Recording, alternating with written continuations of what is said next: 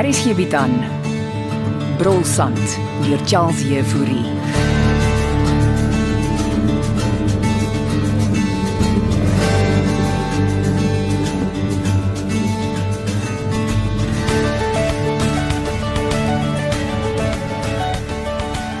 Môre Belinda.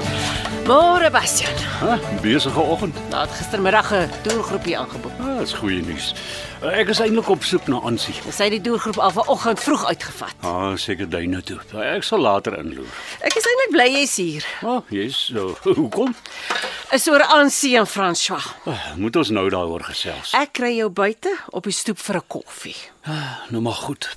Jy al ontbyt gehad. Uh, broodjie sal lekker wees. Ek bring vir jou omelet. Ah, dit dankie. Nou toe.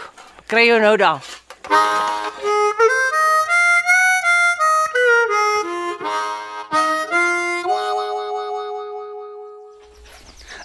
Braai.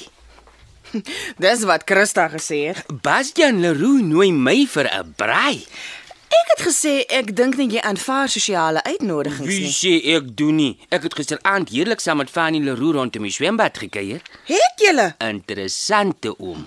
Ek sentriek as jy my vra. Hy wou my natuurlik vra vra. Tipies. Darm vermaaklik. Lekker gelag ja. Ja nee, ons ryter in swart is enig in sy soort. Andaleen.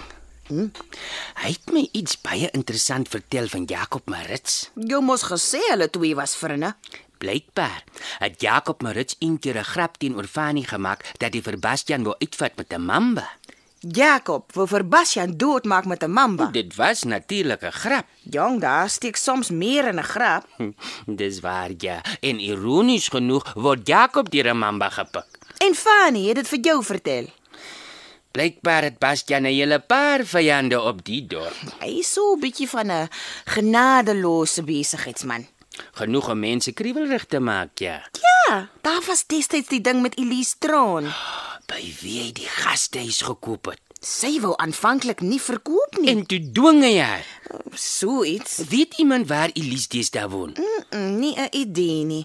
Maar ek het gehoor sy skaap toe. Ons moet 'n bietjie navraag doen oor haar. Ja, wat jy moet net onthou, Fanny het ook maar 'n wille verbeelding. toe maar kaptein, dit het ek gou agtergekom. en hy self is nie so onskuldig nie. Christa Cronje het so 'n maand gelede 'n tuisteringsklag teen hom kom lê. So waar? Was hy lastig? Haar afgeloer. En het daar iets van gekom? Mm -mm, sy het dit later teruggetrek.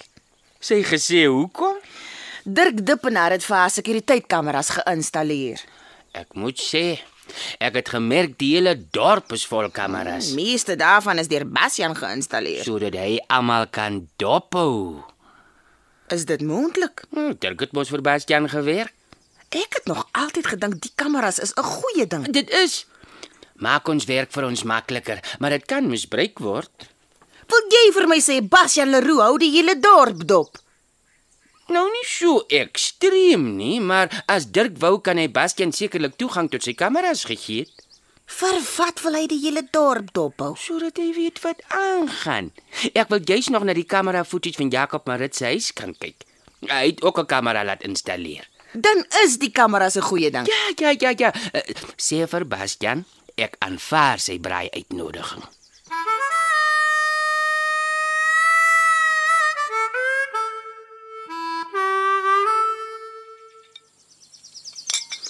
Ah, dankie vir die omelet. Dit was heerlik. Ek sien jou mamma in by die huis. Ah, ek sien eers bewus dat jy daar is nie, Belinda. Dis ook waaroor ek met jou wou praat. Ah, ek neem aan jy weet van Ansie en François se verloving. Ag, is dit nie opwindend nie. Hmm, weet jy of hulle haastig is om te trou? Maar Bastian, dis die hele punt van verloof raak. Hmm, Jy's nie die eerste een wat dit vir my sê nie. Ons span, hulle is nie haastig nie. Dankie tog. Ansie wil wag tot na ek en jy geskei is. O. Oh, uh, het sy dit vir jou gesê? Sy wil jou ook hier by die troue hê nie. Wat? Het, het sy dit in soveel woorde gesê? En net twee woorde. Wie Nou, gaan haar weggee? Mens gee nie jou dogter weggie. Maar dit is mos tradisie dat die pa Pas Jan, wat Belinda. sy wil jou nie daar hê nie. Het jy nou iets daarmee te maak? Inteendeel. Ek het vir haar gesê dis 'n slegte idee. Ja, pa moet mos by sy dogter se troue wees. Ah, sy mag nog van plan verander. Hy het tog gekoop so. Dit is as jy jou deel bydra. My deel bydra. Waarvan praat jy Belinda? Jy weet goed wat Ansie ontstel. Ek's nie die een wat vir 'n egskeiding gevra het nie. Nee, jy het nie. Maar ek gaan ook nie hier rond sit en kyk hoe jy agter my rug met daai flerry Christa kronering kink. nie. Gram kink asseblief. Die ergste is dat jy dit steeds ontken. Ek ontken niks nie en ek erken ook niks nie. Ah, julle mansmense. Dinge tussen jou en my is al lankal op ys Belinda. Ek wil in 'n geval nie met jou daaroor praat nie. Hoe lank gaan jy nog aanbly in die huis? Dis die ander ding. Ek wil hê jy moet uittrek. Ek moet wat doen? Ansie kan nie vir altyd in daai houthut by die gastehuis bly nie. Waarheen moet ek nogal trek? Jy gaan seker een of ander tyd in 'n eenheid by die ontwikkeling woon. Nou, maar, maar ons het dan nog nie eers begine bou nie. Maak dan 'n plan, Basjan.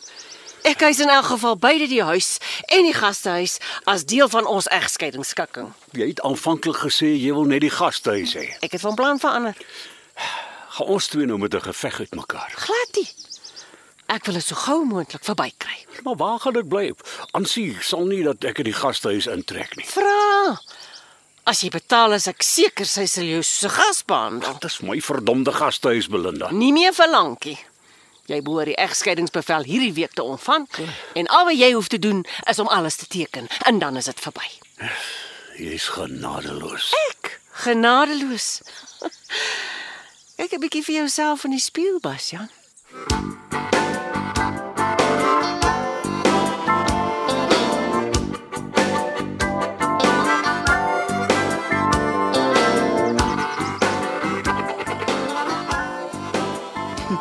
Leggie se waar alweer langs die swembad van Nilo. Kaptein Jefte, ag, dis 'n verrassing. Waar is jou baaiebroek? Waar moet ek tyd kry om in die son te lê? Ja, julle polisie mense kry mos verlof. My verlof vat ek in die wintermaande. Ag, Ah, Dis dan nie so lekker warm nie. Juis, ek kan die hitte nie verdra nie. As jy vir Herbert soek, hy's nie hier nie. Ek weet hy's nie hier nie. Eh, Wie soek jy dan? Vir jou? O, oh, seker die moeilikheid. Dit hang af. Gee haar die handdoek aan asseblief. Hier.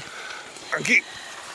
Ek wou jou juis vra dat jy jouself meer betaamlik maak. Nou, mm, wat's onbetaamlik omtrent my? Daai klein swembroekie van jou. Ek sê mos ek het hom in Thailand gekoop. Dra almal sulke klein swembroekies daar. Thailand word nog warmer as hier. Kan ons in die koelte sit. O, oh, ek skuif die sambreel. Ag, dis baie beter, dankie. Hierdie uniform laat 'n man sweet. Verstaan nie dat julle vroumense soos mans aantrek nie. Dis om geslagsgelykheid in die SAP te bevorder, Fanny. Ah, Sit gerus. Eh, Jy lyk oukei okay in jou broek, maar party van die vrouens, mens wonder regtig hoe hulle na die broeke gekom het. Moet nou nie diskrimineer nie, Fanny. Ek diskrimineer nie, maar regtig. Wat 'n storie het jy verspeur soos aan jentjies vertel? Waarvan praat jy nou, kaptein Jefta? Hy sê julle twee het gisteraan lekker gekuier. Ons het. Ek hou van die mannetjie. Solank jy onthou, hy is 'n speurder. Daarvan is ek heel bewus. Hy het my lekker uitgevra.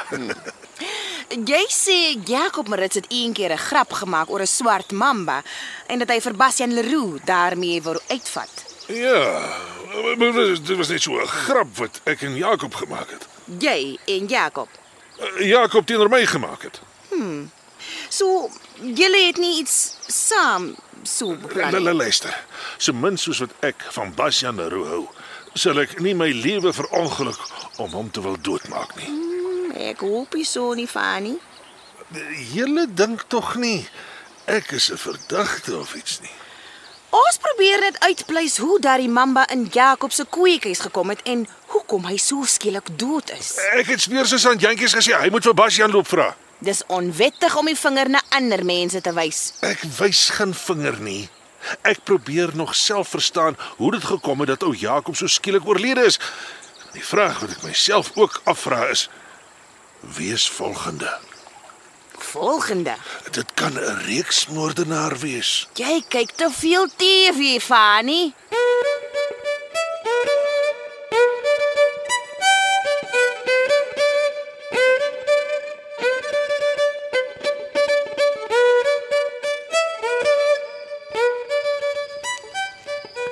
Ah, welkom speurser van Jantjies. Die vuur is reeds aan die brand. Dankie meneer Leroux. Eh, Is ons alleen? Eh, Christa sal later by ons aansluit. Hm, Kaptein Jafta kon dit ongelukkig hokkie maakie. Eh, Ek het nie gedink sy sal nie. Eh, Wat drink jy? Whisky, bier, wyn? O, biertjie sal lekker wees. Dankie meneer Leroux. Moet ons so formeel wees, hè? Eh, Glad nie. Eh, Jy kan my maar Robert noem. Ah, hier is jou bier. Ah, dankie. Ja. Ek het nie eintlik gedink jy sou kom nie. En hoekom nie? Die polisie kan vol draadwerk wees. Ek is mos nie hier vir werkie. Natuurlik. Ons gaan mos braai. Ons spelers doen dinge anders. Hmm, Ek ken ook 'n speler van Appington. Ah, en wie is ek mag vra? Kobus Botma. Ek ken vir Kobus. Hy sal jare in die mag. Ek het hom so 'n bietjie uitgevra oor die affære met Dirk. En wat het hy vir jou gesê? Uh, nie veel nie behalwe dat oh, dat hulle die gebied monitor. Hm, Daar is 'n roep landbyt vir daai vier diewe. Ah, en julle glo dit was die veediewe. Hm, Daar was 'n beestrok se spore by die klein hoewe. Uh, nou hoekom sou hulle sy bakkie op my grond kom wegsteek? Ek dink dis bloot toevallig. Hulle het seker net 'n plek gesoek om ontslae te raak van Dirk se bakkie. Maar en jou grond is immers op dieselfde pad as die klein hoewe. Ja, dis ook waar ja, nee. Sê my. Hoe was jou verhouding met Jakob Marits? Ag, om eerlik te wees nie baie goed nie. Hm, Het julle vasgesit? Meer as een keer. en uh, waaroor as ek mag vra? Uh, Die grond wat ek by hom wou koop. Maar hy het dit toe later aan jou verkoop. Nee nee nee, dis eintlik meer kompleks as dit. Ek luister. Ek dog jy's nie hier om te werk nie. Ek sê mos ons spierdes doen dinge anders. Hm, dit kan ek sien. Ja, Christa behoort enige oomblik hier te wees.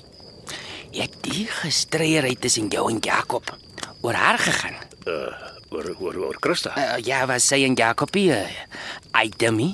Uh, Alle was en uh, ek sal dit waardeer as ons nie verder daaroor gesels nie. Ek wil Christa nie ontstel nie. Jy's Nee, reg. Ah, ek kry vir jou nog 'n bier. M- Meneer Leroux. Ek waardeer die braai, dankie. Maar onthou, ek is hier om die boef aan die pen te laat ry. Cheers. Ja, cheers.